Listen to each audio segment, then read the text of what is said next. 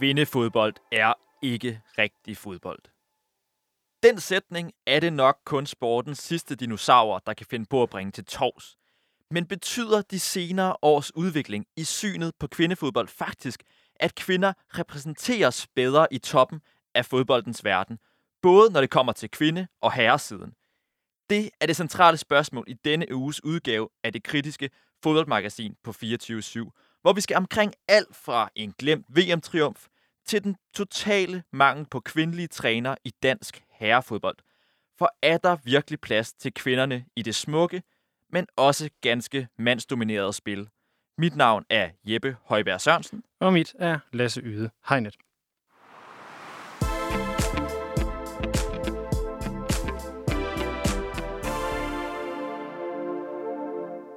Det er altså denne uges udgave af det kritiske fodboldmagasin på 24-7, som skal handle om repræsentation og kvindernes plads i fodbolden. Vi skal tale med en række forskellige kilder. Vi skal, når vi skal tale om trænerfaget, som vi skal her øh, om en 20 minutter, så skal vi tale øh, hvad hedder det, med den første kvindelige træner nogensinde, der har trænet et, øh, dansk herhold på liganiveau, nemlig Susse Hede Andersen. Vi skal tale med Lene Terp, der er øh, en af de få danske kvinder, der har UEFA's pro-licens, altså den højeste træneruddannelse, som lige nu er træner for Færøernes kvindelandshold. Vi skal tale med Kenneth Heiner Møller, som er uddannelseschef i DBU, øh, for at finde ud af, hvordan, øh, hvordan uddannelserne til de her træner, de strikker sammen i forhold til øh, kvinder, og så øh, har vi en lille rundringning rundt til nogle af de danske divisionsklubber, for at høre, om de kunne finde på at ansætte en kvindelig træner. Øh, det er det, vi skal lidt senere, Jeppe. Vi skal lige have fokus på, på noget andet først, nemlig den her idé om repræsentation sådan lidt mere generelt. Ja, og især i medierne, ikke? Jo. Vi skal, vi skal have snakket med Trine Nørgaard Pedersen senere omkring, hvad det betyder for en fan at se den mediedækning, der nu engang er, og hvad er det for en mediedækning. Men først så skal vi gå lidt historisk til værk, se hvilken plads kvindefodbolden har haft i ja, både mediebilledet, men måske også i offentligheden i det hele taget. Vi skal ringe til Hans Krabbe. Ja, Hans Krabbe han er chefredaktør på Midtjyllands øh, Avis, og så har han skrevet bogen Den Glemte Triumf om øh, det danske kvindelandsholds øh, sejr ved VM i 1971. Øh, så vi prøver lige at ringe til Hans Krabbe øh, her, og prøve at høre, hvad var det for en triumf, og hvorfor er det, man egentlig ikke har anerkendt den? Det er Hans. Goddag Hans, det er Lasse fra 24 Den her øh, VM-triumf i 1971, den du skrevet en, øh, en bog om. Hvad, øh, hvad skete der dengang i, i 1971?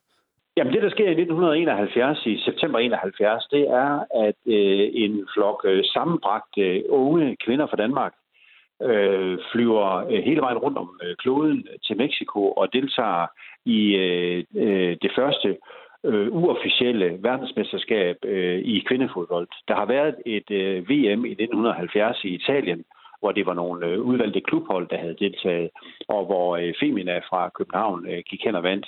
Men det her VM i øh, september 71 er første gang, at øh, otte landshold dyster om at øh, vinde verdensmesterskabet i øh, kvindefodbold. Og der har Danmark altså et, øh, et hold med.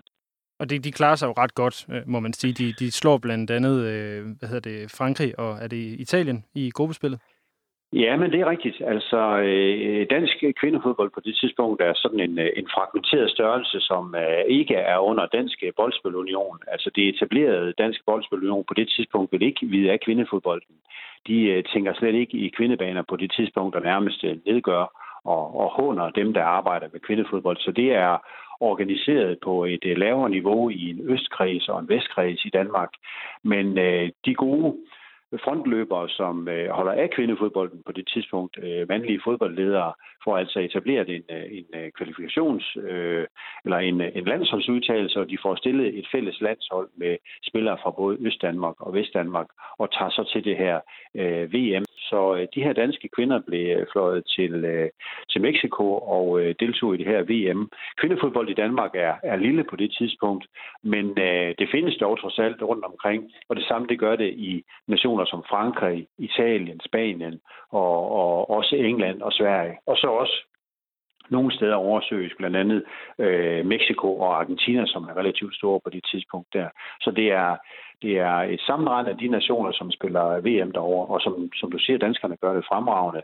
De går øh, videre fra gruppen og, og går jo så hele vejen til sidst. Ja, vinder 3-0 over Mexico i finalen, blev på hat af en 15-årig spiller. Øh, hvad, er det, hvad er det, hun hedder? Ja, det er Susanne Augustusen fra øh, Holbæk, som øh, jo er en meget god eksponent for, øh, for det der øh, hold af piger. Hun er øh, en, en, en pige, som har fattet øh, interesse for fodbolden, men der er jo ikke rigtig nogen øh, klubber og noget organiseret øh, øh piger og damefodbold, der går til på det tidspunkt. Så hun spiller jo sammen med drengene, og hun spiller efter skoletid, og hun spiller på, på gader og vej. Hans Krabbe, det er jo heller ikke nogen sådan helt, hvad kan man sige, upresset situation, de står i der i Mexico i finalen. Kan du ikke bare lige, før vi bevæger os videre i interviewet, beskrive den her kulisse? For det er jo ikke, det er jo ikke 20, 20 mænd på Lars Tønskeds magt, der kigger på.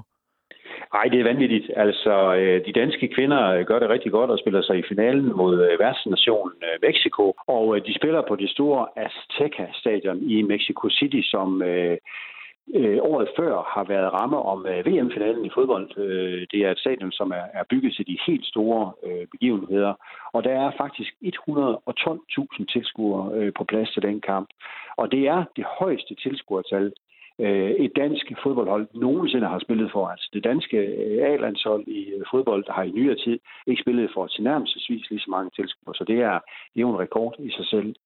Og det er klart, at øh, alle publikummer holder jo med øh, de meksikanske darlings, de meksikanske værter, men Øh, det står hurtigt klart, at øh, danskerne simpelthen er for dygtige, og efter en, øh, en fremragende gang fodbold, så vinder danskerne altså 3-0 på tre mål af den her 15-årige skolepige fra, fra Holbæk, Susanne August. Jeg bliver lige mærke i, i noget, du siger her, nemlig, at når du så sammenligner det med, med herrefodbold, så siger du også bare fodbold, øh, og, og ikke nødvendigvis kvindefodbold. Hvordan reagerer, det er jo sådan, som medierne stadigvæk skriver om fodbold i dag.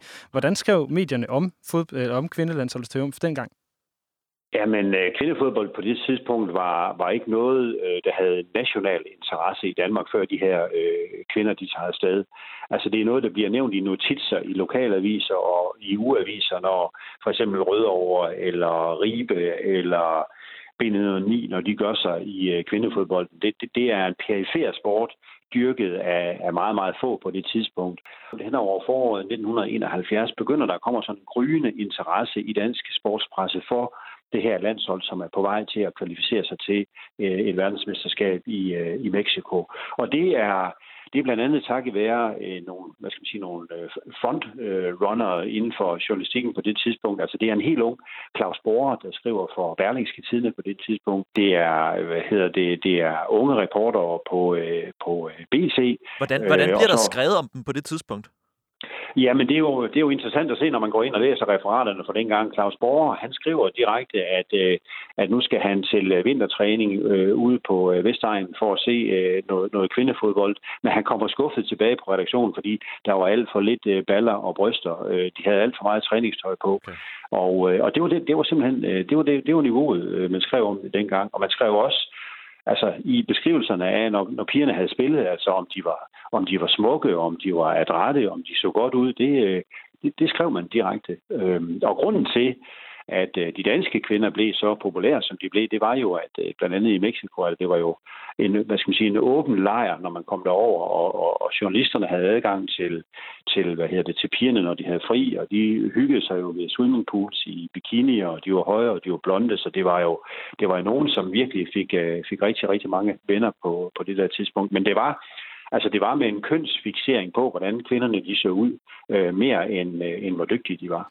Så Hans øh, Krabbe, for lige at tage den op til i dag. Øh, DBU markerer jo ikke den her øh, 50-året for den her triumf sidste år. Hvorfor gør man ikke det?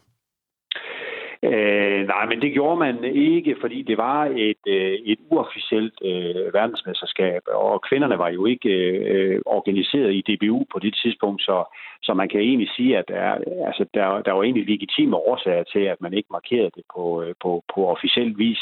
Til gengæld kan man sige, at øh, DBU så senere øh, har gået ind og anerkendt de her kvinders øh, pionerindsats ved at optage dem i fodboldens Hall of Fame. Det skete for et par år siden. Så der, der fik øh, pigerne den øh, hæder, de skulle til eller de, de egentlig havde, hvad skal man sige, fortjent, og også faktisk sukket efter i mange år. De var kede af, at de ikke øh, blev anerkendt, men, men, øh, men det var en øh, stor dag for dem, da de blev optaget i, i fodboldens Hall of Fame.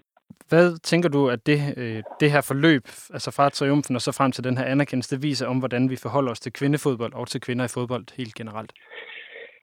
Altså, man kan i hvert fald sige, at det, at det på den tid dokumenterede, hvor, øh, hvor, hvor uvidende vi var, og også hvad det var for en måde, man, at det var kommet få at tale om kvinder i sport på på det tidspunkt der. Altså, der blev fokuseret rigtig, rigtig meget. Altså, der var nogle af de der unge danske kvinder, det var jo, det var jo, det var jo flotte piger, det var langbenede, blonde piger, som tog ud i verden og repræsenterede Danmark, og det blev der i den grad fokuseret på, mere end hvorvidt øh, Lislene Nielsen nu var en fantastisk atlet, der både var en utrolig øh, atletikudøver, der blev fokuseret mere på, at de var piger, og at det var usædvanligt, og hvorfor de ikke var hjemme ved, ved, ved, ved køgegryderne end, end deres egentlige fodboldfærdigheder. Og det synes jeg, altså der synes jeg, vi har flyttet os rigtig, rigtig meget. Der er jo ikke nogen, der fokuserer på, på de sider af Pernille Harders fodboldkarriere i dag, så, så man må sige, at vi har flyttet os rigtig, rigtig meget.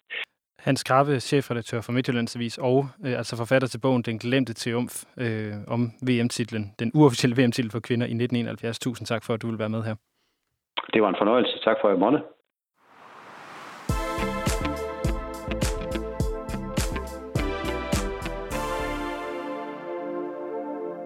Det var altså lidt om, eller meget om den historiske dækning af, af kvindefodbolden. Nu vil vi så prøve at zoome lidt ind på mediedækningen i dag, og ikke mindst, hvilke konsekvenser den har for, den, for hvordan vi opfatter herre- og kvindefodbold i det hele taget. En af dem, der har beskæftiget sig rigtig meget med den her del, det er Trine Nørgaard Pedersen.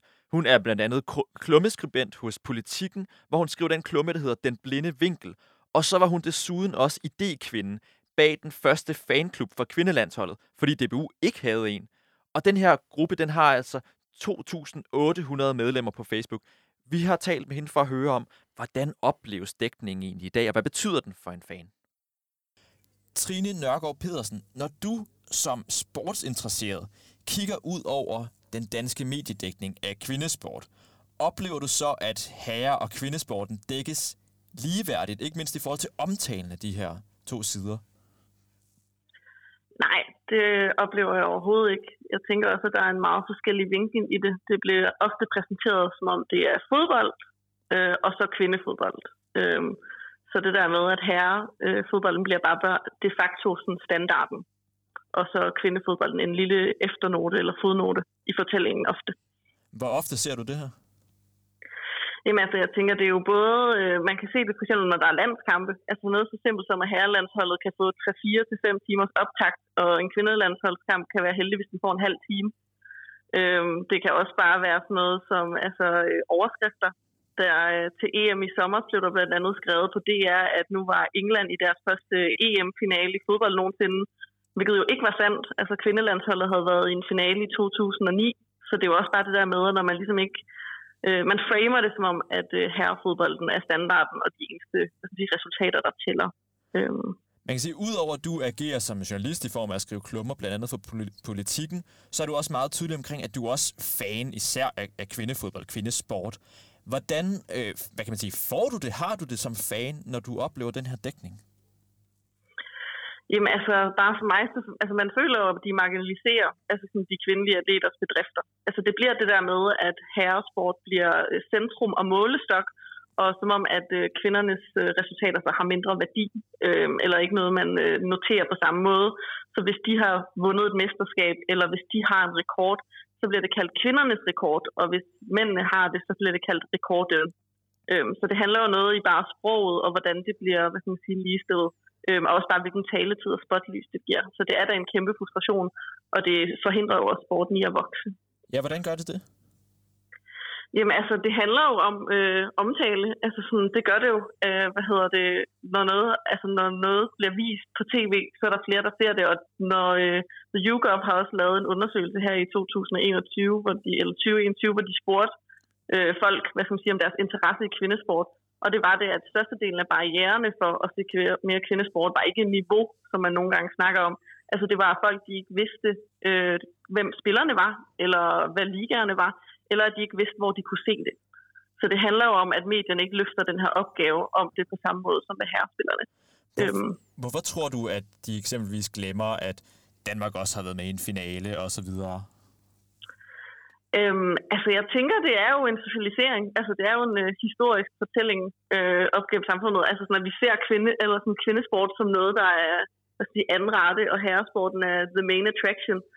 Så det tror jeg ikke er ond vilje. Altså jeg tænker også ofte, at mange af de journalister, der skriver det, de er øh, mænd i Danmark. Øh, i, øh, og det er jo ikke fordi, at jeg har en eller anden vild øh, sådan, arkivviden om alt kvindesport. Jeg har bare den sindssyge tanke, at når jeg ser en, under, en overskrift, så tænker jeg, at jeg vide, om det kan passe, at der ikke også er en kvinde, der har gjort det.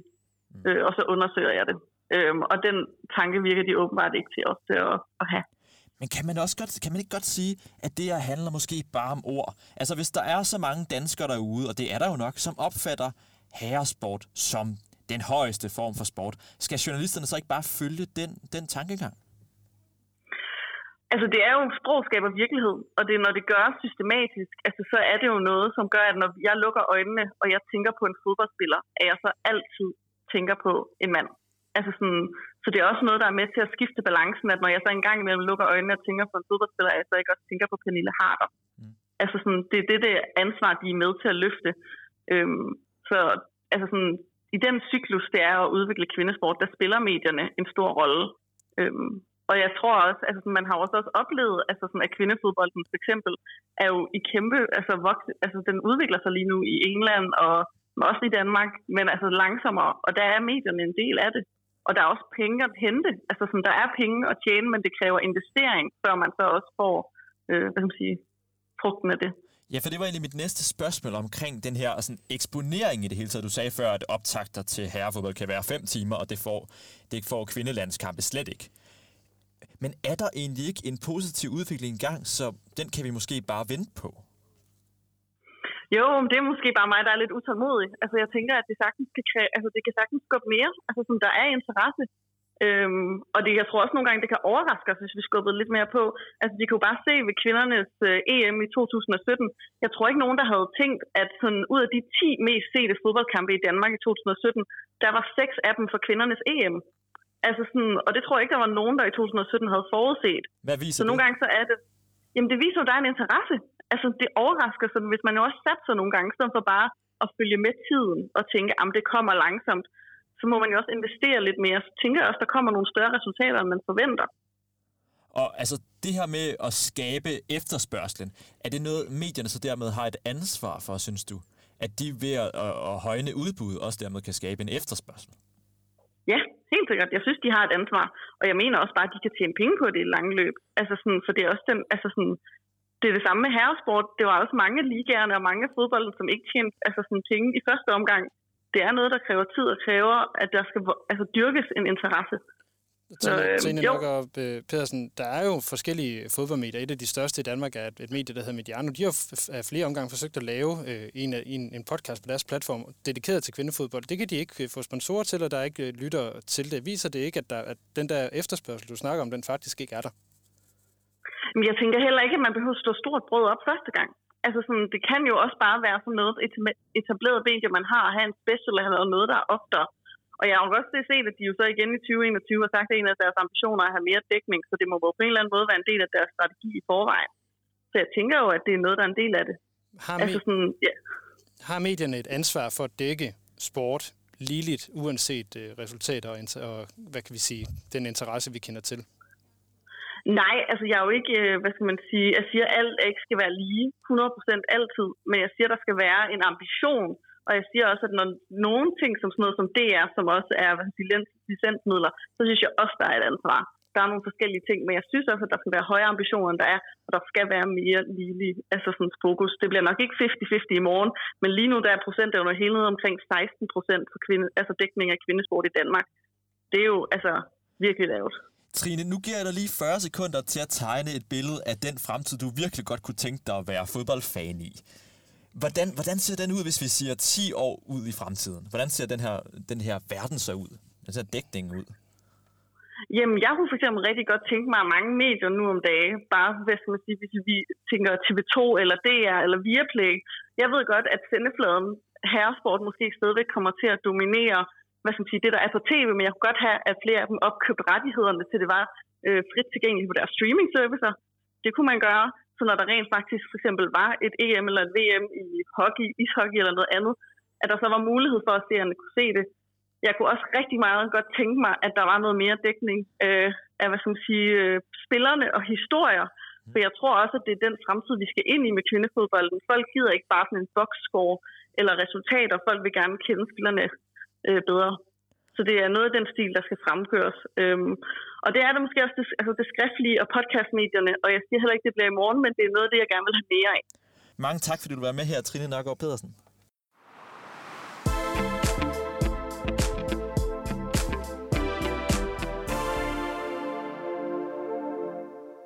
Så skal vi have det bredt lidt mere ud, og vi skal have lidt mere fokus på den generelle repræsentation, der er af kvinder i sportsverdenen. Og i resten af udsendelsen, der kommer vi til specifikt at sætte fokus på trænergærningen, fordi mænd er typisk træner for kvinder, men kan kvinder være træner for mænd? Der findes ikke frygtelig mange øh, eksempler derude. Men Jeppe, vi har faktisk fundet frem til den første kvinde, der nogensinde har været træner for et herrehold på mm. liganiveau i Danmark. Altså den første kvinde, der nogensinde har været træner for et herrehold på, på liganiveau i Danmark. Hun hedder Susi Hede Andersen. Jeg synes, vi skal prøve at ringe til hende og høre, hvordan, øh, hvordan det, det lige kommer i stand, at man som kvinde bliver træner på, på et herrehold, og hvordan det, hvordan det egentlig er. Så vi prøver lige at ringe til, øh, til Susi her. Det er Susi. Hej Susi, det er Lasse fra 24-7. Øh, Hej Lasse. Susie Hed Andersen, du var den, som jeg lige har nævnt for lytterne, den første kvindelige træner for et herrehold på liganiveau. Det var du, da du var træner for baskethold Værløse Bluehawks øh, basket fra ja. 2018 til, til 2021. Øh, lad mig lige starte med at spørge, er, er der plads til kvinder i, i den mandlige sportsverden efter din mening? Jeg vil lige sige til dig, Lasse, at jeg var træner i tre år i Værløse Bluehawks fra 18 til 21. Så det var tre sæsoner. Godt, tre hele sæsoner. Øh, det synes jeg jo nu også, jeg sagde, ja, men pyt med det. Lad os komme videre. Ja. Ja, øh, jamen det er jo et godt spørgsmål, om der er det, for der er jo ikke nogen til synlædende. Øh, jeg, øh, jeg fik tilbud af min klub. Øh, jeg var i forvejen træner i Værløse, og, øh, og var enormt glad for at få det tilbud. Og øh, jeg synes, der var en plads. Øh, og jeg synes at selv, at jeg har gjort det godt i, den, i den verden. Øh, ja, for det skulle så, der burde være plads. Ja, fordi det skulle netop være mit næste spørgsmål. Var der plads til dig som, som kvinde, som træner i, øh, i en herreliga? Ja, det synes jeg, der var. Jeg synes, øh, mine trænerkollegaer var øh, virkelig, øh, virkelig helt, helt øh, outstanding, øh, normale. Jeg var, jeg var en del af, af slænget. Øh, jeg har aldrig mødt noget øh, eller nogen kommentarer øh, grundet mit køn. Øh, super, super trænerkollegaer. Sige, det er jo lige præcis noget af det her, som, som vi er lidt nysgerrige på, netop hvordan det, det er at være, være kvinde i den her øh, meget mandsdominerede øh, verden. Nu siger du, at de var normale. Hvad, hvad, hvad, hvad, hvad vil du beskrive Jamen, det som?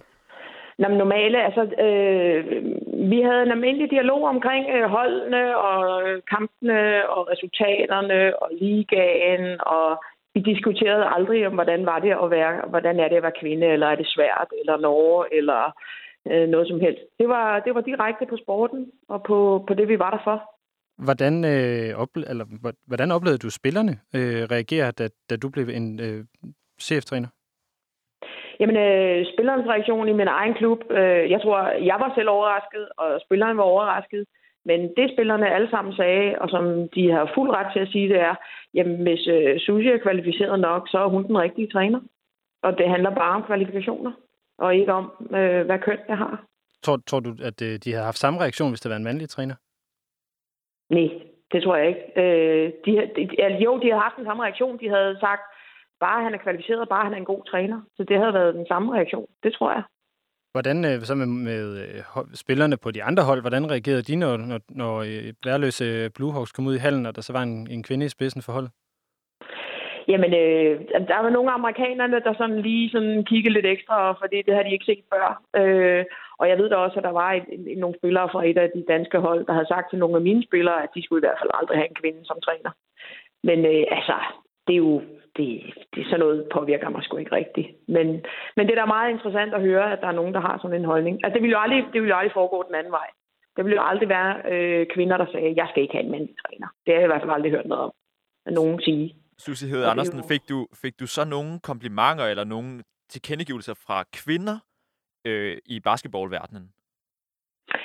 Øh, ja, altså, og, og rigtig mange, både, øh, både folk, som ikke selv er træner, men altså, der, var, der var rigtig mange, som bare skrev, åh, hvor er du sej, eller sagde det, når jeg mødte dem, og hvor er du sej, og hvor er det fedt, og hvor er det godt gået, og det er der virkelig brug for, og sådan noget. Så jeg har fået på den måde har jeg fået rigtig meget opmærksomhed. Øh, det, er, det er rigtigt. altså nu, nu er det jo så sidste sæson, du så stoppet som, som, som træner øh, ude i Værløse. Skal du være træner igen for et herrehold? Ja, det hvorfor ikke? Øh, nu, øh, der var ikke rigtig nogen, øh, der var ikke rigtig nogen, der ligesom stod i kø for at have mig efter mine tre år i Værløse. Øh, andet end det hold, jeg træner nu, som er et kvindehold i Ligaen, Tisus Damer, øh, og som har været meget ivrige efter, at øh, jeg skulle komme ud og træne dem. Øh, og det er, er jeg med på, fordi det var et projekt, som eller det, jeg kørte ud i Værløse med herrene, med unge spillere, der skal udvikles og blive dygtige og sådan noget. Så derfor sagde jeg ja til det job. Men jeg har ikke fået andre tilbud. Hvorfor tænker eller hvorfor, har, hvorfor tror du ikke, du har det? Øh, fisk, det ved jeg ikke. Det er vel stadigvæk øh, kontroversielt, tænker jeg, at det er en kvinde. Jamen, fordi det var, det, det var lidt der, jeg også ville hen, fordi nu, er, nu har du den første kvinde øh, nogensinde i, i dansk øh, ligaregi, der har trænet et kvinde øh, for herrehold. Øh, hvorfor har der ikke været flere kvinder før? Jeg ved det ikke. Altså, øh, jeg tror, at øh, min teori er, og den er totalt øh, uvidenskabelig, men, men det virker som om, at mænd ansætter mænd. Mænd prikker til mænd. Mænd spørger mænd, og der er rigtig meget klubledelse øh, og klubchefer, som er mænd. Øh, og derfor så, så kører de i den her onde cirkel. Så, så kvinder ham, bliver simpelthen ham, ikke spurgt? Nej, kvinder bliver ikke spurgt. Det tror jeg ikke. Hvorfor bliver kvinder ikke spurgt, tror, tror du, udover det her med, at det er øh, mænd, der, der peger på mænd? Jamen altså, det, det er virkelig, virkelig, øh, det er virkelig et godt spørgsmål. Altså, øhm, jeg ved ikke, om vi ikke gør os til, ligesom mændene gør, og siger, hey, øh, jeg vil også være med. Der, der, der ligger også noget hos os selv i at vise, at vi gerne vil. Jeg var jo også selv overrasket øh, over, at, at øh, de tænkte, at jeg var den rigtige løsning, men blev da mega glad og tænkte, yes mand, jeg skal konkurrere i den bedste række. Øh, så den, den ligger nok, nok lidt hos os begge to, men at der skal være, altså begge køn, der skal være en åbenhed til at ture spørge kvinder, og kvinderne skal jo også ligesom hejse flag og sige, ja, jeg vil sgu gerne, og ture. Nu er det jo i øh, basketball, du har været træner for et herrehold. Hvis vi prøver at flytte ja. os over til fodbold, jeg ved godt, det ikke er din, øh, din niche, din miché, men, men kan du forestille dig, at, at i den verden, at der kunne være en kvinde, som ligesom dig kunne være træner for et herrehold? Ja da. Hvorfor ikke? Hvorfor skal der ikke være en kvinde der? Det mm. tænker jeg da.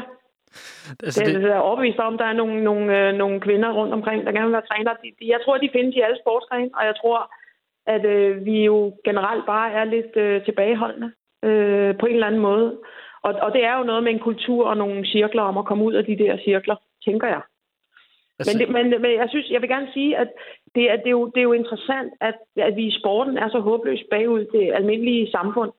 Der findes jo masser af kvindelige ledere rundt omkring på arbejdsmarkedet, som jo gør det øh, rigtig fantastisk, og, og mindst lige så godt som alle mulige mænd.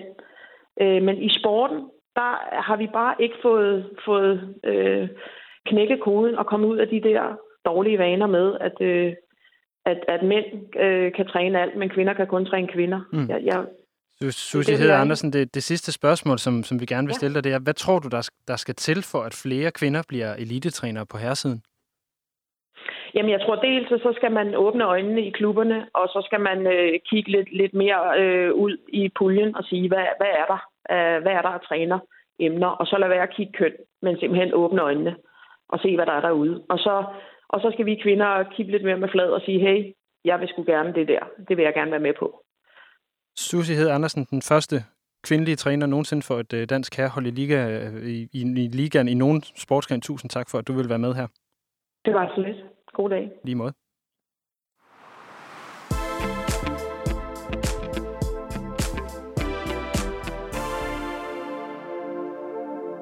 Det er jo lidt, øh, lidt sjovt her, Jeppe. Vi har, øh, vi har vi jo nemlig gerne taget over til fodboldverdenen, for det er jo ligesom der, hvor vi, øh, vi kommer fra. Så vi har faktisk ringet rundt til øh, en øh, lille håndfuld af divisionsklubber for at spørge, om, øh, om de kunne forestille sig at have en kvindelig cheftræner. Lad os, lad os lige prøve at høre, hvordan, øh, hvordan det lød, da vi ringede rundt i går. Helt sikkert. Lars Kruse, direktør i Aarhus Fremad. Kunne du forestille dig, at jeres næste cheftræner for divisionsholdet kunne være en kvinde? Åh, oh, det er et øh, stort spørgsmål. Øhm, det er ikke, øh, jamen ærligt sagt, det er ikke lige noget, jeg har sådan egentlig overvejet. Øhm, men vi ser jo vel i andre sportsgrene, at øh, også i fodbold, at øh, det virker modsat med, mandlige cheftræner i, i kvindefodbold. Så, øh, så jeg vil sige, øh, den rette kandidat, så skal man jo nok øh, ikke øh, kigge øh, på køn, men på kompetencer i stedet for. Er der en kvindelig træner derude, du kunne forestille dig at ansætte? Øh, der må jeg være ærlig at sige, jeg kender ikke lige umiddelbart nogen kvindelige træner Okay. på det her niveau. Patrick øh, Birk øh, Braune, sportsleder og cheftræner for AB's anden divisionshold. Kunne du forestille dig, at din efterfølger kunne være en kvinde? Ja, det tror jeg også. Øh, det kunne være forfriskende, øh, hvis det på et tidspunkt sker. Ja, har Så du. jeg håber, det sker på et tidspunkt. Jeg ved ikke lige, hvem det skulle være lige nu, men jeg er blandt andet lige startet på P-uddannelsen, og der er i hvert fald to rigtig, rigtig dygtige kursister med, som, øh, som jeg går op og ned af der, og der har jeg kun et godt indtryk af. Ja, hvad, hvad, hedder de? Det er Sine og Anja. Og Og det, dem kunne du godt øh, se på at være potentielle cheftræner i en dansk anden divisionsklub. jeg kunne ikke se, hvorfor de ikke skulle. De virker rigtig, rigtig dygtige, det er det indtryk, jeg har fået. Peter Olsen, sportsdirektør i BK Frem. Kunne du forestille dig, at, jer- at jeres næste cheftræner for øh, 3. divisionsholdet kunne være en kvinde? Ja, der har ingen... Det kunne det godt være, hvis hun var dygtig nok. Ja, ke- kender du en, der kunne være dygtig nok? Ikke lige pt. Okay. Øh, Men jeg har heller ikke undersøgt markedet, vil jeg lige sige, da vi har en udmærket træner. Så det er egentlig årsagen til det. Altså, hvis vi skal have en ny træner, så vil vi jo tage et ansøgerfelt ind, og der er man ikke, ud, der er man ikke udelukket på grund af køn. Jens Lolk, sportschef i Delum IF. Kunne du forestille dig, at jeres næste cheftræner skulle være en kvinde? Det tror jeg ikke umiddelbart. Ikke fordi jeg har noget overhovedet imod øh, kvinder i forhold til det. Men det er svært i forhold til, når man kører øh, vores trup og, og have ind omkring det. det, det. Jeg tror ikke, det er hele rustet endnu til, at kvinder går ind omkring øh, herrefodbold endnu. Hvor, hvorfor tænker du ikke det? Jamen, det kan jo godt være, at jeg tager forkert, men øh, det, det er bare min overbevisning lige nu. Der, der er det måske tidligt nok. Jeg tror godt på den lange bane, at der kan være kvinder, der er, er rustet til det. Men øh, lige nu har vi i hvert fald ikke øh, fokus på det. Holger Christiansen, direktør i Young Boys FD. Øh, kunne du forestille dig, at jeres næste træner skulle være en kvinde?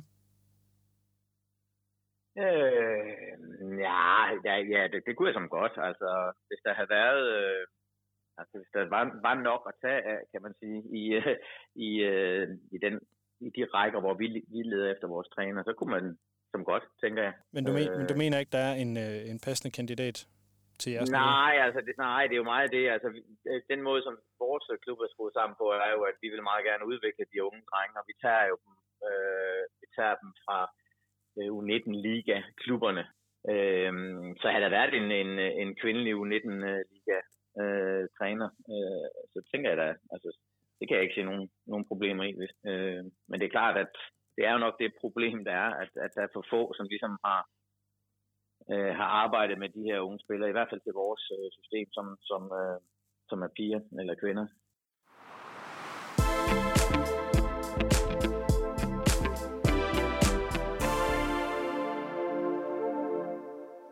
Som det måske kunne høres her i klippet, så er det altså ikke kvindelige trænere, de danske sportschefer i herreklubberne kender allermest til. Det kan måske skyldes, at man traditionelt ikke har gået efter kvindelige trænere i, i de her klubber, men måske skyldes det, skyldes det også, at der er påfaldende få kvinder i trænerfaget i det hele taget. I gensidig kvindeliga, altså den bedste liga for kvinder, der er kun to ud af 12 trænere kvinder. I 2020, der viste en undersøgelse for DBU, at kun 3% af alle trænere med licens er kvinder, og kun 1%, altså et par stykker, har den øverste licens, den der hedder P-licensen. Men hvorfor er der så få kvindelige trænere i faget i fodbolden? Det spørgsmål vil vi selvfølgelig gerne have et svar på. Derfor skal vi nu ringe til Lene Terp. Hun har en fortid som assistenttræner på kvindelandshold, har været træner i 15 år, og i dag træner for det færøske kvindelandshold. Prøv at ringe til hende, Lasse. Yes. Det er Lene. Hej Lene, det er Jeppe fra 24-7. Kan du høre mig? Det kan jeg. Glimrende. Lene, du har jo haft en lang karriere i trænerbranchen efterhånden, øh, og du har P-licensen som en af de, de få. Hvordan kom du selv ind i, i, i faget i trænergærningen? Det, åh, det gør jeg, da jeg er færdig med at, og færdig med at læse øh, kandidat i idræt, og jeg stopper min aktive øh, fodboldkarriere. Øh, der bliver spurgt, om øh, jeg vil, med, vil være med omkring øh, U17-landsholdet for kvinder, og om, øh, om jeg vil være med som træner i øh, Sønderjyske. Hvem er det, der spørger dig der? Jamen, øh, det er faktisk en kollega. Jeg, jeg bliver ansat på læreruddannelsen i Haderslev, og det er en kollega der, der spørger, om vi skal lave et projekt, om vi skal øh, få, øh, få kvinderne op i den næste række i Sønderjyske. Så det var den ene, og den anden var øh, tidligere øh, landstræner Paul Højmose, der, øh, der prikker til mig og siger, at, øh, at øh, jeg skulle prøve den vej. Øhm, nu har vi jo, altså, du har jo masser af tidligere landsholdskollegaer. Tror du, at, at det, det, der gør sig gældende, er, at kvinder bare traditionelt ikke bliver spurgt? Det er jo det, der er sket for dig her. Ja, det er den ene af dem, men, men jeg tror, altså der, det der, det er jo, øh, det er et, det er jo svaret på det på spørgsmålet, det er jo kæmpestort, fordi der er også noget med noget, altså det hele social, økonomisk, kulturelt øh, øh, tema, som jo også ligger bag ved det her. Og, og jeg har hvad er det for nogle temaer? hele tiden haft, øh, jamen det er, det, det er både i forhold til, hvad er det for et jobtype, du bliver tilbudt, hvad er det for en livssituation, du selv står i, og hvis, og hvis jeg tager... Øh, hvis jeg tager udgangspunkt i, at, at man gerne vil have tidligere øh, landsholdsspillere eller tidligere elitefodboldspillere ind i trænerrollen, jamen så handler det om, at de vilkår, du har haft som spiller, i hvert fald den generation, jeg er fra, det er, at man har øh, mødt til træning hver aften, øh, efter enten uddannelse var slut, eller dit arbejde var slut. Og det var stort set de samme vilkår, du blev præsenteret for som træner, at, at, øh, at det, er, det er dit fritidsbeskæftigelse. Så det vil sige, det er næsten hele døgnet, du er øh, i gang. Og hvis man også gerne vil have puttet noget andet ind i livet, så er det lidt svært. Handler det også om, at, at kvindefodbolden ikke har den samme status, eller sådan, den er jo ikke professionel i samme niveau, som herrefodbolden har været i hvert fald? Ja, det er, det, det er, et, det er en udfordring. Mm. Eller der tror jeg også, at det er med til at, at, at, at give nogle barriere.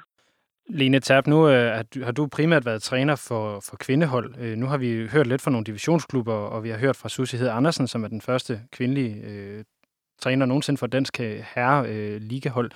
Kunne du se dig selv være herretræner på et tidspunkt? Jamen altså, det kunne jeg jo sådan set godt, men, men jeg har egentlig haft det sådan indtil videre, at, at, øh, at, at hvis vi siger, at vi mangler kvindelige trænere, og vi mangler og vi mangler uddannede træner i øh, pige- og kvindefodbolden, så synes jeg egentlig, at så bliver det nødt til at være der. Men, men jeg skal også sige, at, at hvis jeg sammenligner, øh, hvis jeg sammenligner arbejdsvilkårene hos mændene og i mændefodbolden, som det er i kvindefodbolden, så, er det jo, så arbejder jeg bare under nogle helt, helt andre vilkår. Både økonomisk, men også øh, i forhold til øh, hvad kan man sige, hele hverdagen og hvem jeg arbejder sammen med. Øh, så der er en kæmpe forskel, og den skal man jo også kunne på en eller anden måde byde ind på. Ikke? Så er det sværere at blive en dygtig, træ, en dygtig kvindelig træner end en dygtig herretræner med de vilkår? Nej, det, ved, det, det tror jeg ikke. Fordi det er, altså for at blive en øh, dygtig træner, så handler det langt hen ad vejen om, at du er på træningsbanen, og du kommer med en rygsæk fuld af alt muligt andet. Du beskæftiger dig med, du beskæftiger dig med, med mennesker. Og hvis vi kigger på anden delen af, af, af kvindelige lærere, ude eksempelvis i vores folkeskole, så er der jo faktisk overvægt af kvindelige lærere. Meget af det handler om det samme. Øh, ja. Vi synes jo, altså, vi er jo to mænd, der står her i, i og har været i herrefodbolden traditionelt, ikke? Og vi har jo helt sikkert en masse blinde pletter, altså det vi også, det vi også, det har vi også lært i løbet af mange af vores udsendelser, at vi ser ikke altid ja. det hele. Altså tror du, at mænd har svært ved at se kvinder som autoritetsfigurer i fodboldverdenen, fordi det traditionelt har været mænd, der var dem? Nej, nej jeg tror, jeg, jeg, jo, ja, det tror jeg. Det tror jeg, men ja, det tror jeg faktisk. Men, men, men jeg bliver også nogle gange spurgt, jamen, øh, altså, hvis man har været i kvindefodbold, altså at, og at man er der som kvinde, altså der er nogle ting, at det bliver mændene bare aldrig udsat for. Mm. Hvad er det for noget? For sådan, Jamen, øh, jeg var på, jeg var på studietur i, øh, i, øh, i Norge, i Oslo, mm. sammen med en gruppe af elitetrænere under uddannelse fra Færøerne. Og der, jeg er med som vejleder for de her elitetræner. Og der er så en kvinde blandt kursisterne også. Og vi sidder faktisk i, øh, i Operahuset i Oslo Og der sidder to selskaber, vi er det ene, og så sidder der et selskab lidt længere væk, og så er vi er ved at være færdige med at spise. Så rejser der altså en op fra det andet øh, selskab, som viser at komme fra Tyskland, og de ligner nogen, der er noget mere øh, opera øh, end, øh, end vi på nogen måde er. Vi var jo heller ikke inde at se opera, vi sidder og spiser. Så kommer hun over, og, og så spørger hun, hvad, hvad vi er for en flok. Og så bliver det sagt, jamen, uh, we are football coaches. Oh, og så begynder hun at grine lidt. Mm, what are two women doing here then? Okay. Og, ja, og det er den, man bliver, man, bliver, øh, man bliver mødt med. Og jeg kan sige, det er jo ikke... Øh, altså, så, og der, så tænker man bare, okay, jamen, så er det måske ikke et erhverv for kvinder.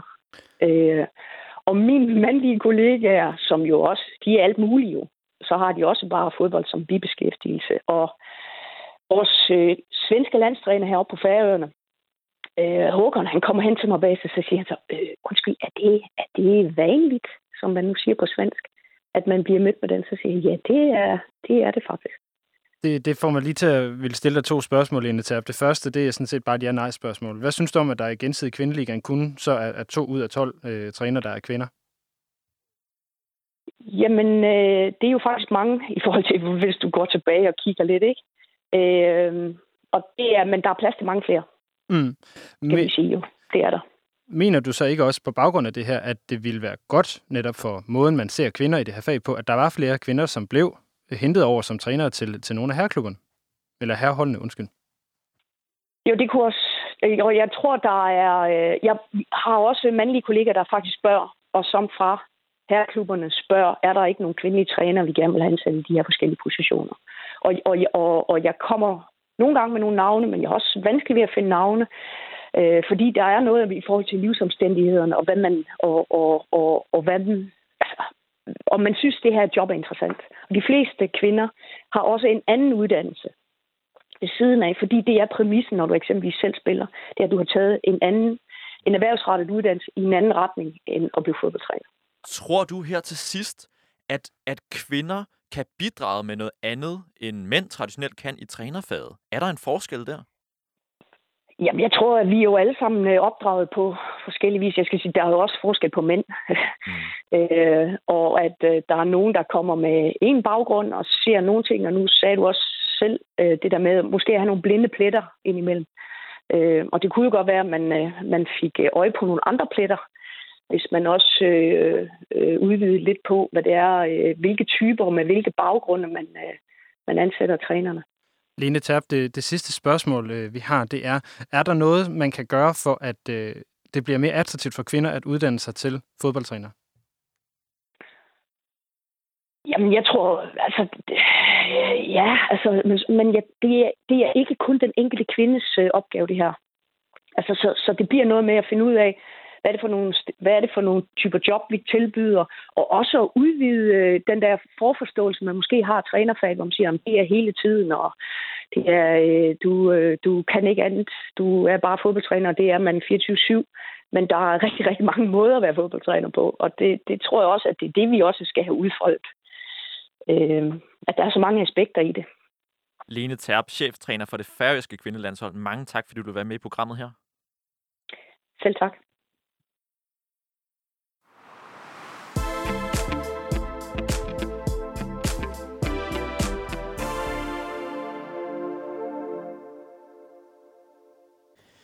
Det var altså perspektivet på, hvordan det er at være kvinde i trænersædet i Danmark i dag.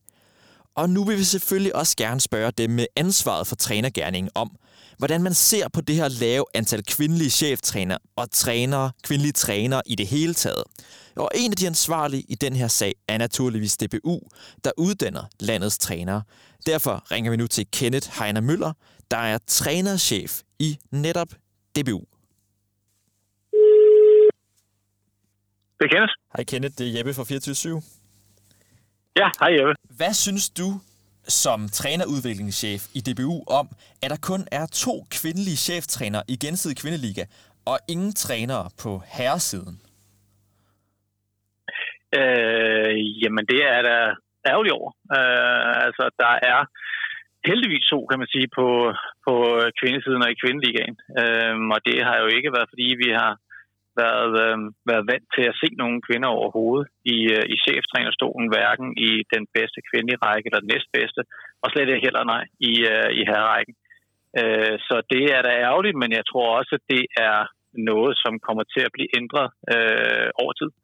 I udgav en rapport sidste år i DBU i 2020, nej, i 2020, som viste, at der var ikke nogen synderlig udvikling på vej, øh, på det tidspunkt i hvert fald. Gør I nok i DBU for at præge udviklingen i en rigtig retning? Ja, det synes jeg faktisk, vi gør. Øhm, og jeg tror, at det, der er væsentligt at påpege, det er det her med, at udviklingen nogle gange tager skridt. Og jeg tror, jeg er måske øh, lige så utålmodig som, øh, som resten i at se, altså hvad kommer der, hvad kommer der til at, altså hvad kommer der til at ske, og hvornår kommer der til at ske noget.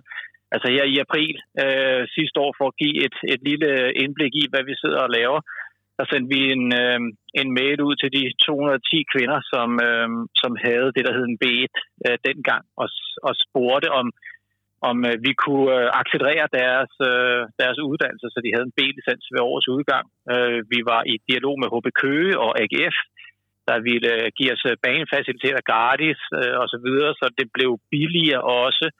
Øh, sørge for, at der var kvindelige instruktører osv., som, som var altså lidt ligesom så mange andre gør, tror jeg, øh, det der med at identificere problemet, så gøre noget ved det. Mm. Øh, der kom ikke særlig meget opbakning til det. Ud af de 210 var der faktisk fem, der syntes, det var en god idé, og det var jo ikke særlig meget. Øh, Hvorfor så tror det, du, vi har så gjort efterfølgende... synes, det er en god idé? Beklager. Jamen, det er jo fordi, at jeg, jeg, jeg tror jo, øh, altså lidt som jeg siger, så, så tror jeg, det er sådan en, en typisk refleks, at man har, at der er ikke noget her, det skal vi gøre noget ved, uden egentlig at, at undersøge øh, situationen til bunds. Altså, vi, vi stiller os jo aldrig jo rigtig spørgsmål om, hvorfor. Mm. Og det er jo så det, vi så har, har, har gjort nu. Uh, her i november lavede vi jobopslag, eller ikke et jobopslag, vi lavede et opslag på uh, universiteterne rundt omkring i, uh, i Danmark. Um, og, og hvor at vi, vi bad nogen om at melde ind til os, hvis de kunne være interesseret i at undersøge, altså netop at undersøge og finde svarene mm. i forhold til, um, hvorfor er der hvorfor er der ikke nok kvindelige trænere i, i dansk fodbold. Og der er, der er så i gang med at lave speciale. Så derfra håber vi så på, at der er øh, nogle svar på det spørgsmål, og så må man så håbe på, at det er noget, vi kan, øh, vi kan gøre noget ved. Så jeg, jeg, altså jeg synes lidt, vi har lavet den der typiske refleks. Vi mangler kvindelige træner, det må vi gøre noget ved, og så, så laver vi bare en eller anden øh, aktivitet. Det var der ikke særlig mange, der synes var den rigtige aktivitet. Så nu laver vi et, hvad kan man sige, et lidt dybere spadestik og sige, okay, men hvorfor kan det egentlig være, at vi ikke har nok øh, kvindelige øh, øh, trænere, uddannede trænere i Danmark. Kenneth, øh, hvad hedder det, Heiner Møller, når man kigger på det, som der typisk er, det er ude i det brede erhvervsliv osv., når der ikke er nok kvinder, der ligesom ansøger til de stillinger, der bliver slået op osv., eller at kvinder ikke finder det attraktivt, så plejer øh, kvindeforkæmperne jo at sige, har I overvejet, hvorfor at kvinder ikke finder arbejdspladsen attraktiv, eller om der er tiltag, man kan gøre for, at kvinder måske føler sig mere velkomne i fodboldverdenen? Har I ja, og spørgsmålet er... Jamen, har, I, har I en undersøgt det ved jer selv, eller hvad, hvad, hvad har I gjort anderledes for at gøre DBU mere attraktivt for kvinder at være i? Eller fodboldverdenen mere attraktivt Jamen, jeg... for kvinder at være i? Ja, men altså, det ved jeg ikke, øhm, vi har gjort. Altså, vi har spurgt ind til det jo. Altså, i det, vi har sendt ud, det er jo skrevet omkring nu af, af mit ansvarsområde, jo træneruddannelse. Der har vi spurgt ind til, hvordan kan vi gøre træneruddannelsen mere attraktiv? Er det, at der skal være kvindelige trænerudviklere? Er det, det skal være et rent kvindehold? Er det, det skal være billigere? Er det, det skal være ligge på andre, andre tidspunkter? Øh, og der fik vi sådan meget, øh, altså, øh, det var ikke entydige svar, vi fik på det, så vi, vi har i hvert fald undersøgt det, om, om man kan spørge, om, om DBU har gjort nok for at være en, en god nok arbejdsplads for, for kvinder, det, det ved jeg ikke. Øh, jeg synes, vi, vi har et, et fint mix. Ser man på trænersiden rundt omkring, så er det jo, jeg er klar over, at vi godt kunne tænke os, at der også kommer nogle, øh, nogle kvinder på, på herresiden. Det er jeg også selv øh, øh, absolut øh, fortaler for. Øh, men i øjeblikket har vi det ikke engang på, på kvindesiden. Der må man sige, at arbejdsforholdene lad mig er jo... fast i den, ja. beklager. Øhm, er det at I ikke har nogen på kvindesiden i det bu heller, er det et udtryk for, at der ikke er nogen, eller fordi, at de mænd, der var, var bedre end dem, der så er? Altså, du tænker på landsholdene? Ja, præcis. Altså, jeg er helt sten sikker på, at nu er det jo så ikke min afdeling, men man ansætter dem, som uh, man synes, der er bedst. Mm. Øhm, og det er ud fra alle de betragtninger, som der nu under, går under begrebet bedst. Øh, og det er jo dem, som så sidder i, i stillingerne øh, i, på DBU's landshold vi har, vi har kigget på, hvor mange kvinder, der har en, øh, en P-licens, og så vidt jeg har kunne tælle mig frem til, så er det, øh, hvad hedder det, 1, 1 procent af de mænd, eller af det samlede antal, der har P-licens, og så er det måske øh, i virkeligheden 1, til 3 øh, kvinder, der har det. Hvor, når skal øh, der være jeg vil sige, 20 kvinder, der har en P-licens? Det er jo igen øh, altså forhåbentlig noget, som udviklingen gør noget ved. Altså, vi har tre kvinder nu med en, øh, en pro-licens. Nu her på det kursus, der startede op i januar, øh, var der 18, der startede op, og to af dem er kvinder. Øh, og der går nok noget tid, før at det, der er 18, der starter op, og halvdelen af dem er kvinder. Øh, men altså, det, det er jo ligesom jeg var ved at sige før, så, mm. så tror jeg også, det har noget at gøre med altså de arbejdsforhold, der nu engang er, fordi uagtet hvor, hvor meget at, at øh, jeg og vi er for, at der skal være lige vilkår, så er det sådan, at når man er en U15 drengeklub, eller U17 drengehold, eller U19 drengehold, så træner de på andre tidspunkter. Øh, der er en, andre, en anden løn, øh, og så videre. Og det vil sige, at øh, hvis man træner drengehold, så er det jo egentlig et job for piger, eller i pigeverden for, for, for kvinde- og, og pigehold, der er det anderledes. Der er det på den anden side af fyraften, og honoraret er ikke særlig øh, højt. Øh, det, det er den ene del af det. Den anden del af det er også, at hos øh, mange af dem, som man ser på allerhøjeste niveau hos herrene, har haft en, en karriere øh, i, øh, i et stykke tid, før det er, de er blevet, øh, før det er, de er blevet trænere. Og mange af de kvinder, som afslutter deres karriere, de er faktisk allerede klar til den næste. Så det der med, de, de, har, de kommer direkte ud, og så har de et, øh, et, et job eller jobtilbud, og de har mulighed for at gå i job. Altså nu, da jeg var landstræner for kvinder, det er ved at være nogle år siden, men mange af dem, de er ikke i dansk fodbold. Og det er fordi, de er psykologer og lærere, sygeplejerske, læger, og det de uddanner sig til, mens de var spillere. Så, så der er sådan, der er både noget i forhold til aftagerne på øh, altså nu, på, undskyld, på træneren, der kommer ud, Møller, undskyld, og så også... Undskyld, undskyld jeg afbryder, ja. men det, det lyder på det, du siger, som om, at kvinderne allerede er egentlig er ret godt uddannet. Hvis man er både er lærer og psykolog, så har man vel nogle enormt gode kompetencer for at kunne blive fodboldtræner, som øh, tidligere mandlige fodboldspiller, med al respekt, ikke, ikke nødvendigvis uddannet sig til. Ja, og så er det så sådan, at når man skal være træner på et vist niveau i dansk fodbold, så skal man have en, en trænerlicens. Det vil sige, at man skal igennem et uddannelsesforløb øh, som sikkert for mange øh, kan være, altså jeg ved da i hvert fald, der er mange øh, øh piger og kvinder, der er involveret i, øh, i fodboldklubber på, på lavere niveau, øh, eller yngre niveau, vil jeg hellere kalde det. Øh, og så når det er, det bliver lidt mere seriøst, det er fire gange om ugen, og det er efter fyraften, øh, så er det måske ikke så attraktivt. Ja, det, det kan jeg godt forstå. Altså hvis jeg skulle have et almindeligt job, og bagefter så også have, fordi det er krævende at være fodboldtræner, så bagefter også øh, skulle have et, øh, et, et yderligere job, øh, så er det ved at, at, at, at, at være svært at få til at hænge sammen. Kenneth Heiner Møller, øh, chef for træner, eller, træneruddannelseschef i DBU. Mange tak, fordi du var med her.